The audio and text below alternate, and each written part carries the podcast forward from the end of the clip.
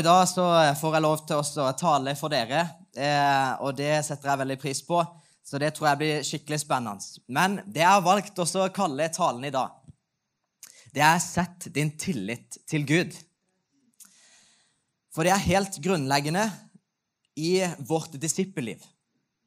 Det å kunne sette vår tillit til Han. Og Noen av hovedtekstene vi skal gå igjennom i dag Vi skal lese fra Apostlenes gjerninger kapittel 16, og vi skal lese fra Første Samuels bok kapittel 17. Noen egentlig ganske kjente vers, men, eh, men eh, jeg tror vi kan se eh, alltid noe nytt i Guds ord. Yes, Men eh, før jeg begynner, så ber jeg også for talen. Jeg takker deg priser deg, Jesus, for eh, denne dagen i dag og for møtet her. Vi takker deg for at vi er samla her i ditt navn, Jesus. Takker deg for eh, denne familien her, Jesus. Jeg bare ber om at ditt ord som er skarpere enn å tvege et sverd, Jesus. Jeg takker deg for at det setter et skille. Jeg takker deg for at det kommer ikke tomhendt tilbake. Jeg takker deg for at når ditt ord er delt, så går ditt rike fram, Jesus. Det takker vi deg og priser deg for, Jesus. Jeg bare ber om at jeg bare skal kunne være en kanal i dag for ditt ord, og alt annet må ikke bli stående, men kun deg og ditt ord. Det takker vi deg og priser deg for, Jesus. Så må du lede meg, Jesus, i denne talen. I Jesu navn. Amen. Amen. Så bra. Vi begynner eh, å lese fra Apostelens gjerninger eh, 16, 6-10. For der så ser vi at eh, vårt kall ja, det er åndelig, men det er også faktisk ganske så praktisk. Kallet vårt det innebærer å bli leda av Den hellige ånd, men også å være lydig til Guds ord. Og vi skal lese den hellige ånd hindret dem i å forkynne ordet i Asia. Derfor så fortsatte de gjennom det fyriske og det galatiske området. Da de var kommet nesten til Mysia, så prøvde de å gå videre til Betynia. Men Jesu ånd ga dem ikke lov. De dro da gjennom Mysia og kom ned til Trofas. Om natten hadde Paulus et syn. Han så en makedoner makedonier som sto og kalte på han og ba. Kom over til Makedonia og hjelp oss. Da han hadde hatt dette synet, så forsøkte han straks å komme til Makedonia. For vi skjønte at Gud hadde kalt oss til å forkynne evangeliet der. Yes. Her så ser vi jo at altså, Den hellige ånd han hindrer de når de har satt De har satt en retning, men Den hellige ånd han hindrer de. De setter en ny retning. Hva står det da? Jo, da står det at Jesu ånd ga dem heller ikke lov til det. Jeg vet ikke med dere, ofte så Hvis vi prøver på noe, så, og det ikke går, eller man blir hindra, så kunne man jo ha satt seg på bakbeina og tenkt at ja, men da var ikke dette noe for meg. Men det er jo ikke det de gjør her. Eh, og jeg bare tenker det at Dette her viser jo også oss at vi kan stole på Gud. Vi kan sette vår tillit til han, for han lar oss ikke fare vill. Han lar oss ikke gå vill. Nei, for han leder oss. Og faktisk så er det så, sånn at vi frimodig kan begynne å gå. Om du er ung eller om du er gammel, så kan du faktisk frimodig gå. Med den visdommen du faktisk har. Og så vil Den hellige ånd lede. For Paulus han trodde jo åpenbart at han skulle med evangeliet til eh, til Asia. Det trodde han jo åpenbart. Men så hindrer, hindrer allikevel Den hellige ånd han. Og det er jo nettopp det. Han blir hindra, men allikevel, hva velger han å gjøre? Jo, han velger å stå opp igjen. Han velger å fortsette. Han velger å bli leda av Den hellige ånd. Og Nå skal vi gå litt vers for vers her. Så vi, vi går fra eh, vers 6, og så fortsetter vi videre. Den hellige ånd hindra dem i å forkynne ordet i Asia. og Derfor så fortsatte de eh, gjennom det fyriske og det galatiske området. Da de var kommet nesten til Mysia, så prøvde de å dra videre til Betynia, men Jesu ånd ga dem ikke lov. De, de satte retning. De ble stoppa. Men de fortsatte, og de lot seg lede av Den hellige ånd. Noe som vi er totalt avhengige av i vårt liv, å bli leda av Den hellige ånd. Er vi ikke hvis vi klarer å bli så godt vant at ikke vi ikke trenger å bli leda, da tror jeg vi er på helt feil vei. For eh, poenget det er jo det at det er jo ikke farlig å gå. Gud vet jo hvem han har kalt, hvis han kaller deg. Han er jo den allvitende Gud. Han vet jo at det til og med at du ser ikke lenger enn dette, liksom. Ikke sant? Men det vet jo Gud, for Gud vet jo hvem han har kalt.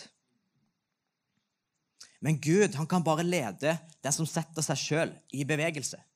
Og det var jo nettopp det Paulus hadde skjønt. Han visste han var kalt. Han visste han var kalt til å gå ut med evangeliet. Det visste han jo. Men han visste jo ikke hvor. Så hva gjør han da? Jo, men ok, jeg er kalt, så jeg begynner å gå. Ikke sant? Like frimodig kan vi også. Vi vet jo at vi er kalt, så vi kan faktisk begynne å gå. Og så kan vi ha tillit til Gud, at han faktisk stopper oss om vi skulle være så uheldige og havne på feil vei, som vi ser også Paulus gjør her. Altså verdens største evangelist, liksom. Ok, Her går han feil. Men han blir allikevel leder. Det viser at vi er totalt avhengige av Gud og hans ledelse. Vi er kalt, og det er helt klart. Når vi er oppriktige i dette og vi holder oss nær til Gud, så vil jo Gud lede oss. Og jeg tror på mange måter at vårt kall det kan se ut som en eh, svingete vei, hvis du bare tar bildet. Fordi at det er jo sånn at du kan jo ikke se rundt svingen. Det er jo umulig. Men for å klare å se rundt svingen og se den neste strekka, så må du jo faktisk begynne å gå på veien. Ikke sant? Du må jo begynne å gå på veien før du kan se rundt neste sving. Og sånn er det med vårt kall. Vi må sette oss i bevegelse, som Paulus gjør her. Vi må, sette, vi må tørre å gå. Vi må tørre også gå den strekka for å klare oss å se rundt svingen for å se neste strekke, nytt land å innta. Vi går skritt for skritt i vårt kall. Og det står at, eh, i Guds ord at 'ditt ord er en lykt for min fot og et lys for min sti', står det. Og videre så leser vi i vers 8 Da dro De dro da gjennom Mysia og kom til Trofas. Om natten så hadde Paulus et syn. Han så en makedonier som sto og kalte på ham. Kom over og hjelp oss. Et kall som starta så vagt at jeg vet ikke engang hvor jeg skal gå. Et kall som starta så tåkete at jeg ser liksom, jeg ser jo ikke veien engang. Ender opp med å bli så spesifikt som et syn. Og mange ganger så tror jeg vi liksom, vi kan sitte liksom der og vente og be til Gud. liksom. At ja, men jeg skal gå, men bare hvis du gir meg et syn. Eller om du liksom får skriften på veggen. Men jeg tror dette eksempelet her er satt for å vise oss at nei, du skal faktisk bare gå. Du er fullkommen så langt du har kommet, og du kan faktisk være frimodig, og du kan gå. Akkurat nå kan du begynne å gå. Jeg ser ikke lenger. Det er kanskje litt tåkete, det er kanskje litt vagt, men det er først når vi setter oss i bevegelse, at Gud kan lede oss, og at kallet faktisk kan begynne å bli ganske så spesifikt, som vi ser også i Paulus sitt eksempel. Jeg vet ikke hva som stopper deg. Og bare, som, bare for det, sånn at det er sagt, jeg taler ikke bare til dere, men jeg taler til oss. Eh, det vil jeg bare si, for ofte så taler man jo også om det man kjenner på sjøl, det man kjenner seg utfordra på. Men jeg vet ikke hva som stopper deg i forhold til det å kunne være et hverdagsvitne, til å kunne være frimodig. Ofte så kan jo det bunne i menneskefrykt. Det kan jo også være likegyldighet, men ofte så bunner det jo i menneskefrykt. Og Vi kan jo faktisk bare frykte en, enten menneske eller Gud frykten av å på en måte skille seg ut eller være annerledes, eller frykten for hva andre vil tenke og mene. Frykten for å ikke bli godtatt. Og frykten den kan faktisk gjøre oss passive. Og Vi skal se på et eksempel etter hvert. Men frykten kan gjøre oss passive, som gjør at jeg faktisk ikke engang tør å prøve. Fordi at når frykten liksom får satt seg, så tør jeg ikke engang. Og da har du faktisk tapt før du faktisk har prøvd. Men frykten, det er faktisk bare en løgn. Og Vi skal se litt på dette i forhold til å sette sin tillit til Gud eh, i, i disse tingene. Og som vi også har sett nå, at vi blir leda i vårt kall. For å klare å møte og overvinne frykten så tror jeg faktisk vi må komme til et punkt som David gjorde, som, som vi skal lese snart. Det er liksom, Han velger bare. Han bare tar et standpunkt. Jeg velger å sette min tillit til Gud. Han bare velger at Guds ord, og han har tillit til Guds ord, som han, han bare liksom Det er ingen annen autoritet det er ingen annen situasjon han kan komme opp imot som skulle være større enn Gud. Salmene 56, 4-5, så, så er det en salme av David der det står at 'Når jeg er redd', sier David, 'så stoler jeg på deg'. Jeg stoler på Gud, og jeg priser Hans ord. Jeg stoler på Gud. Jeg er ikke redd. Hva kan vel et menneske gjøre meg? Legg merke til hvordan David begynner her. Når jeg er redd. men da stoler jeg på deg. Altså, Han kjenner på redsel, på samme måte som vi møter redsel. Men hva velger han å gjøre da? Jo, da stoler jeg på Gud. Hva er konsekvensen av det? Jo, jeg er ikke redd. Hva kan vel et menneske gjøre med? Og Det er jo fordi at han flytter fokuset fra det han er redd fra. Eller redd, eh, redd ifra, ikke sant? Så flytter han det til Gud til han som skal ta han igjennom dette. Og det skal vi nå se i et eksempel. En kjempekjent historie som til og med de små barna kanskje kjenner til. David og Goliat har vi kanskje hørt. Goliat, han ropte og han hånte Israels hær. Er, liksom, er det ingen som tør å kjempe imot meg? sa Goliat. Er det ingen som tør? Og Vi leser fra 1. Samuels bok, kapittel 17, vers 11. Og Vi kommer ikke til å ta for oss hele pga. tidens skyld, men vi kommer til å ta med noen av de sentrale versene. Da Saul og alle israelitterne eh, hørte hva filisteren sa, ble de svært redde, og de mista motet. Altså Bare med å se denne kjempen, så mista de motet. David han kom til der slaget skulle holdes, og han ble faktisk også beskyldt av sin egen bror til å liksom Har du tatt fri fra gjeterjobben din? Bare for å komme ned og så se på slaget? Litt av en beskyldning. Noe som også er ganske ironisk, egentlig. Fordi at det var jo ikke engang noe slag. Slaget var jo ikke i gang. Hvorfor det? Jo, fordi de var grepet av frykt. Her ser vi at frykten det gjorde israelittene passive. Og vi leser videre. Morgen og kveld kom filisteren fram. I 40 dager så bød han seg opp til kamp. Tenk det, 40 dager så kom han opp der. Er det ingen som tør? Ingen som tør å kjempe mot meg? I 40 dager så sto de der. De var passive. De, bare, de bare, skjønte det at nei, ikke går jeg opp imot han der. Men de var passive, de var grepet av frykt. Det står jo at de var grepet av motløshet. De visste ikke engang hva de skulle gjøre. Men så kommer jo David, da. En liten gjetergutt. Og hva er det David sier? Jo, han sier, 'Hvem er du som håner Israels Gud?' sier David. Og vi leser videre. Saul lot David få sine egne klær. Han satte på han bronsehjelmen på hodet hans og førte eh, han i hans eh, brunsje. David eh, bandt Sauls sverd utenpå klærne og forsøkte å gå, men forgjeves. For han hadde aldri prøvd dette før. Jeg greier ikke å gå med dette på meg, sa han til Saul. Jeg er ikke vant til dette. Så la han det av seg. Et fantastisk bilde på Gud som kaller en gjetergutt. En liten gjetergutt. Men hvordan, hvordan, det, hvordan, kommer han fram her? Jo, han kommer jo med Saul Sauls sin rustning, ikke sant? men forgjeves. Jeg klarer ikke å gå i dette her.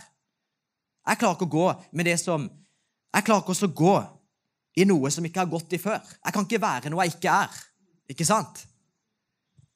Og Det er et fantastisk bilde som viser faktisk at når Gud kaller en gjetergutt, ja, men da kan du faktisk gå som en gjetergutt.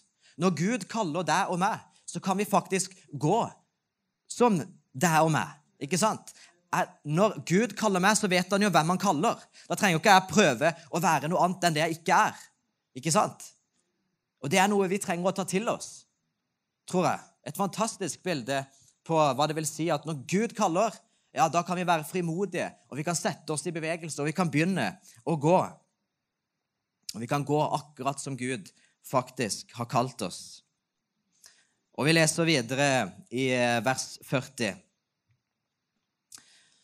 Og i stedet så tok han staven sin i hånden. Han valgte ut fem glatte steiner fra elveleiet, og han puttet dem i etervesken sin, eh, som han bar over skulderen. Slyngen hadde han i hånden. Så gikk han fram til denne filisteren.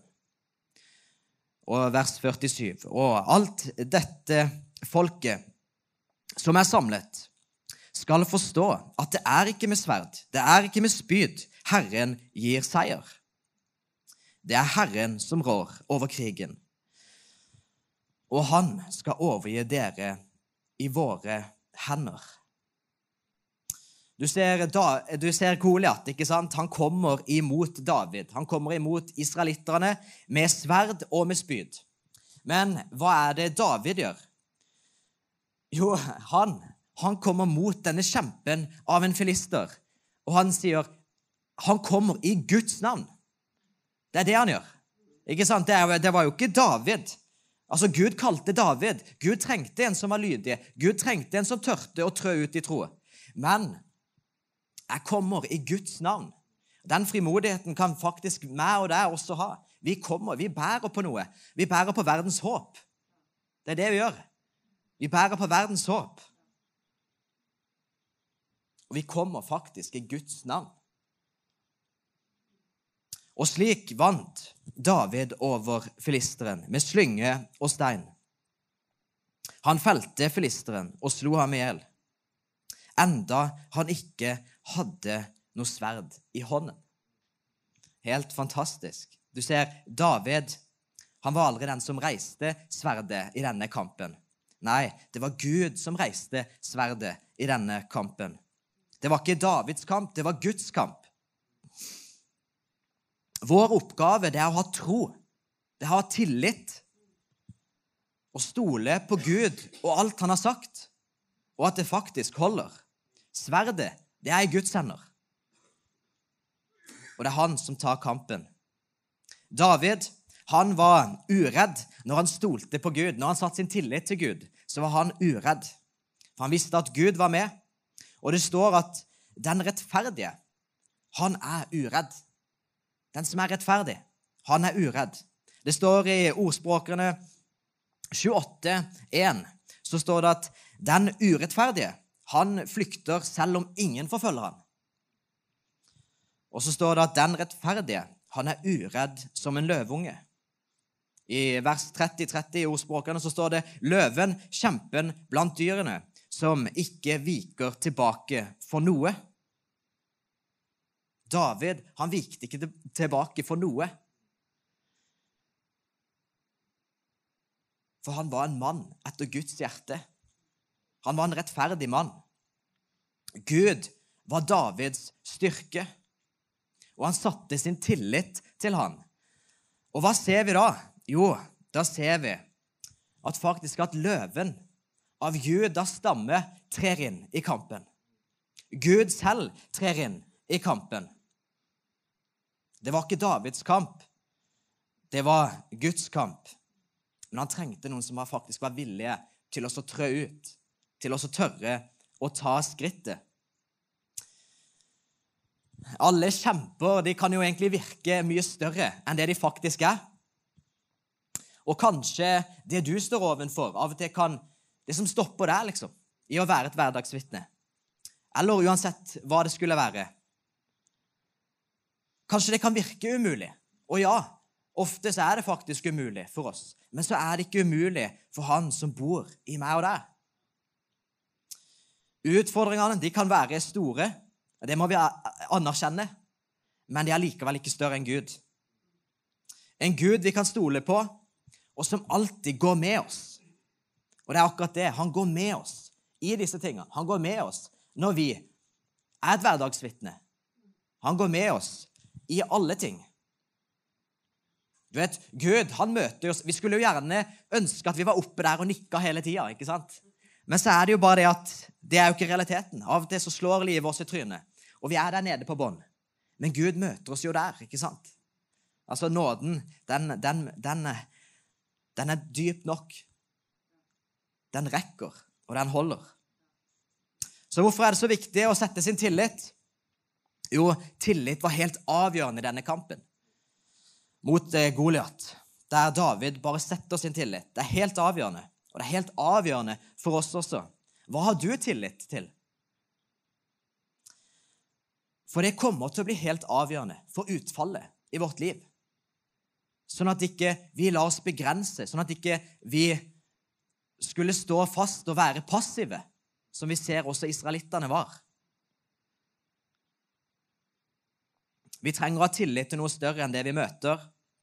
Og vi trenger faktisk å være en David av og til. Det trenger vi. Eller en Peter, for den slags skyld. Peter, når han skulle gå på vannet, så var det jo nettopp det. Peter han kjente denne mannen som kommer i stormen. Han kjente han jo. Og nettopp på det grunnlag at han kjenner Jesus, så kunne han sette sin tillit til ham. Og det var bare derfor han kunne faktisk trø ut. Han kjente han, og det var grunnlaget for at han kunne ha tillit til det han sier. For han visste det, at det han sier, det er jo sant. Og det må jo tåle å gå på. Det er jo sant. Men så ser vi også at Peter han er ikke så veldig annerledes i forhold til oss andre. Det ser vi jo i den historien. Der vi ser at liksom i det beste øyeblikket, kanskje, der han liksom er ute og går på vannet, så får han også sitt verste. Han går under. Men så ser vi allikevel at Gud, selv når Gud kaller Han vil aldri gi oss noe som ikke vi sjøl kan bære. Og Jesus strekker ut hånda og løfter han opp igjen. Fordi Gud, han er trofast selv når vi er troløse. Selv når vi er troløse, så står han fast. Så holder hans ord. Og det er jo helt utrolig at vi får lov til å tilhøre en sånn Gud som det. Selv når jeg går på trynet, selv når jeg er troløs, så står allikevel Gud trofast, og han gir oss ikke noe som vi sjøl ikke kan bære. Helt fantastiske eksempler som, eh, som ikke handler om David, som ikke handler om Peter, men det handler jo om Gud og det å stole på han og se konsekvensen av det. For han er det levende vann. Han er kilden. Og det skal vi også lese nå. Og jeg, jeg vet, jeg delte det også på, eh, i går eh, på møtet på Ung voksen. Men eh, det er et fantastisk bilde på hva det vil si å være påkobla Jesus. Og vi tar med det også. Jeremia 17, 7-8. Velsignet er den mann som stoler på Herren og setter sin lit til ham. Han er lik et tre som er plantet ved vann, som strekker eller skyter røttene mot bekken. Det frykter ikke når heten kommer. Løvet er grønt, det engster seg ikke i tørketider, og det slutter ikke å bære frukt. Et fantastisk bilde på hva det vil si å være påkobla kilden Jesus. Dette treet her det er jo ikke avhengig av omstendighetene rundt dem. Dette treet er ikke avhengig av at regnet det skal falle i dag. Det må falle i morgen. Det må falle om et år eller to for oss å få næring. Nei, dette treet det har jo skutt sine røtter der kilden alltid er. Til bekken. Der kilden alltid er. På samme måte så er ikke vi avhengig av at omstendighetene skulle stemme, for å likevel finne fred, for å likevel finne, finne glede i Den hellige ånd.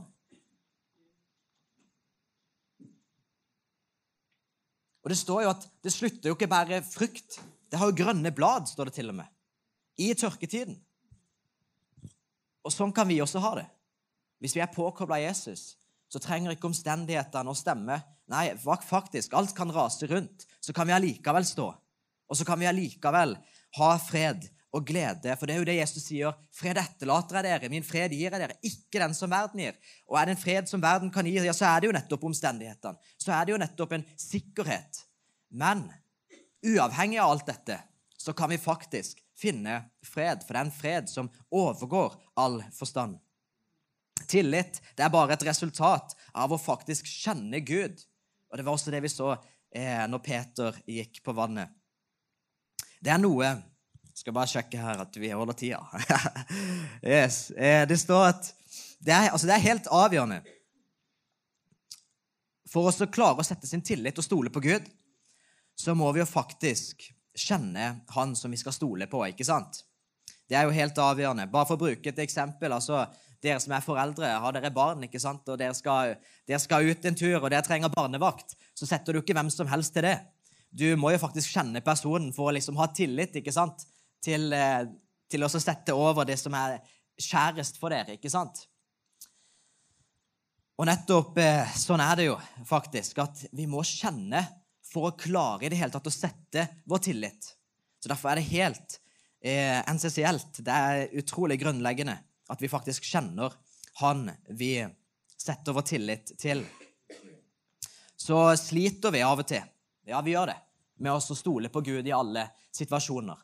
Men eh, da tror jeg jeg vil si at eh, da må vi lære han å kjenne enda bedre. Sånn at eh, vi kjenner til Hans ord. Sånn at vi kjenner til Hans sannheter. Sånn at det, vi vet at det han sier, det er faktisk sant. Og er det sant, så tåler, så tåler det jo å gå på. Sånn som vi ser Peter gjør. Han går jo på det. Det tåler å gå på. Hvorfor fikk eh, Peter gå på vannet? Jo, for han kjente han, han satt sin tillit til han. Og hvorfor fikk David? Jo, han kjente jo Gud, og han satte sin tillit til han, og han visste at Gud, han kommer til å fri meg ut av dette. Og Vi går litt inn i, i dette her som er helt grunnleggende for å sette tillit. Jesus han definerer jo det evige liv. Jeg elsker disse versene. De har betydd så utrolig mye for mitt liv, og derfor så deler jeg det her òg. Og, og, der står det i Johannes 17,3 eh, så sier jo Jesus der, Jesus egne, sin egen definisjon av det evige liv. Dette er det evige liv, å kjenne deg, den ene og sanne Gud, og den han sendte, Jesus Kristus. Du vet, Jesus han pekte jo alltid på Faderen. Han sa liksom 'Han i meg, og jeg i han', sa Jesus. Han pekte alltid på Faderen. Og Det står i 1. Korinteren at Gud han er trofast, han som kalte dere til fellesskap med sin sønn Jesus Kristus, vår Herre. Det er mitt og ditt første kall. Det er at vi er kalt til fellesskap med Han. Og ut fra det så får vi lov til å bære frukt. Men kun ut ifra det. Du vet, når Jesus kalte de første disiplene Jeg husker Det var noe jeg sleit med når jeg tok et standpunkt eh, om å følge Jesus høsten 2019. Så var det jo nettopp det. Nå har jeg tatt imot Jesus. Ja, men nå må jeg jo gjøre alt det som han har befalt meg til å gjøre ute i verden. ikke sant? Og Må skikkelig ta seg skjorta og eh, prøvde nok mye egen kraft. ikke sant? Men eh, så skjønner vi jo at det, det ikke er så veldig holdbart over tid. Men legg merke til hvordan Jesus kaller de første disiplene når han sier 'kom til meg' så skal jeg gjøre dere. Altså, kom til meg, så skal jeg gjøre dere. Ikke sant? Vi ser at eh, invitasjonen er først og fremst inn til relasjonen til Jesus. Og Det er det som er så fantastisk. Det er jo han som skal gjøre oss. Det står jo, at, det står jo også i Guds ord at, at det er han som virker i oss til både ville og gjøre etter hans gode vilje. Det er hans verk gjennom oss, bare med at vi faktisk søker hans sannheter og lar hans sannheter bli en sannhet i vårt liv. Og ikke, ikke at liksom erfaringene mine skal få lov til å styre det, men det er Guds ord. Og det er det vi må, fylle oss med. Sinnets fornyelse, som det også står blant annet om. Yes, Og det er nettopp på grunn av at hvis han klarer å forandre hjertet ditt, da skal du se at hele utgangspunktet forandrer seg. Som jeg sa, ikke sant? Gud virker oss til både ville og gjøre. Og, skal, og da kommer du til å erfare og se at dine verdier, dine lyster, dine tanker, ja, de forandrer seg faktisk. Ordspråkerne 4.23, velkjente vers. Bevar ditt hjerte framfor alt du bevarer, for livet, det utgår fra det. Og Når Bibelen omtaler dette med hjertet, så prater de om det indre livet. Det indre livet. Bevar det indre livet framfor alt du bevarer, for livet går ut ifra det. Det indre livet med Jesus. Altså bevar det indre livet med Jesus framfor alt du bevarer, for livet går ut ifra det. Matteus 6,6. Når du ber, gå inn på rommet ditt og lukk døren og be til din far som er det skjulte, og din far som er det skjulte, skal lønne deg i det åpenbare. Jeg husker så godt eh, min tidligere pastor.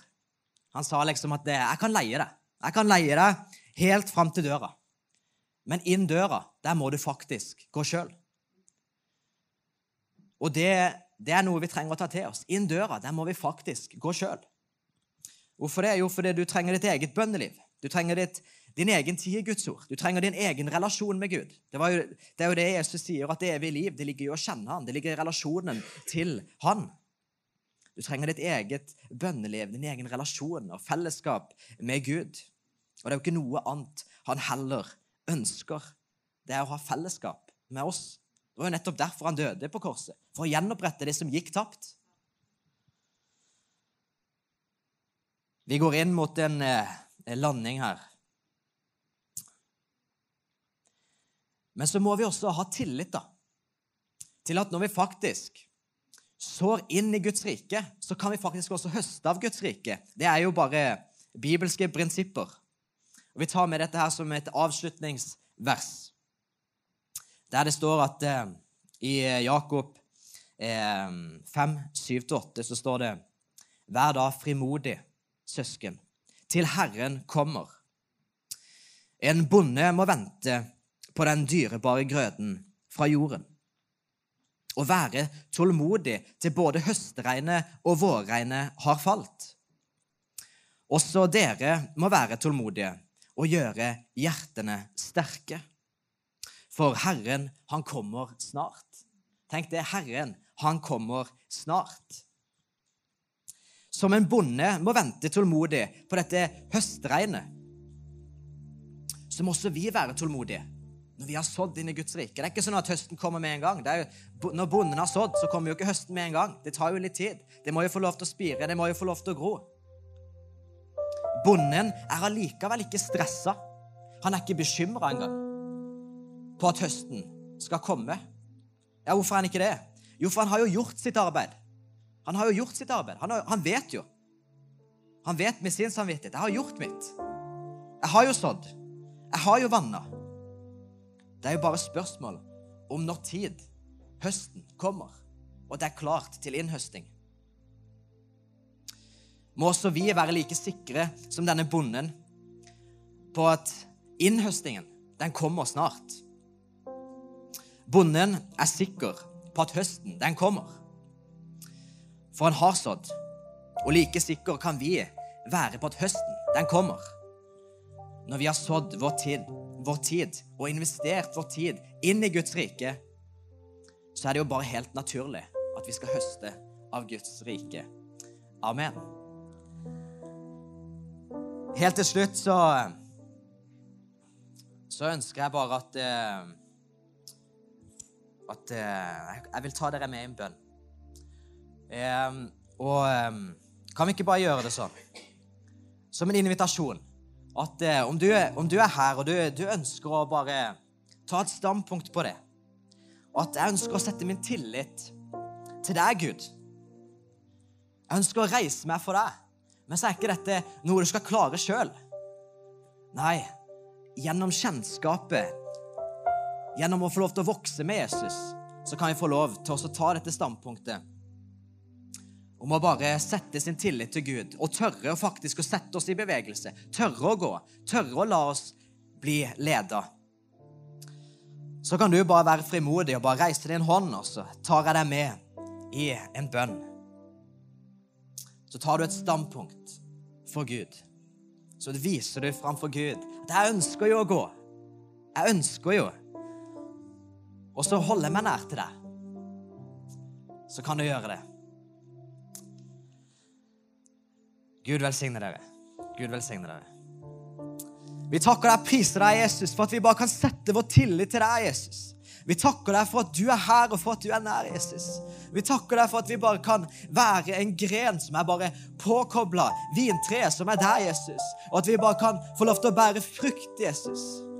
Bære frukt helt automatisk, bare med at vi er med deg, Jesus. Vi takker deg for at når du kalte de, de, første disiplene, så kalte du de først og fremst til å ha en relasjon, til å, til å ha en, et kjennskap og et fellesskap med deg, Jesus. Led oss inn i dette. Vi vet at det er der kampen ligger, for det er der gjennombruddet ligger. Vi takker deg og priser deg, Jesus, for at vi får lov til å tilhøre deg, Jesus. Vi takker deg for at vi bare kan komme til deg, Jesus tre fram for nådens trone og finne hjelp og barmhjertighet til rett tid. Vi takker deg for at du er prøvet i alt på samme måte som vi, Jesus. Vi takker deg for at du vet hvordan vi har det. Du vet allerede hva vi trenger, men vi setter allikevel ord på det her i bønn, og vi løfter opp dette her, Jesus. Vi bekjenner Jesus, at vi av og til vi kommer til kort, men vi ønsker å sette vår tillit til deg. Vi ønsker å gå. Led oss på veien, Jesus. Led oss på veien. Vi bare ber spesielt for de som rekker opp hånda til deg, Gud, som bare ønsker Jesus. De ønsker Jesus og følger deg av hele sitt hjerte. Vi takker deg og priser deg for det, Jesus. Vi takker deg for ditt, der ditt ord er delt, der går ditt rike fram. Og vi bare velsigner hver enkelt her inne i Jesu navn. Amen.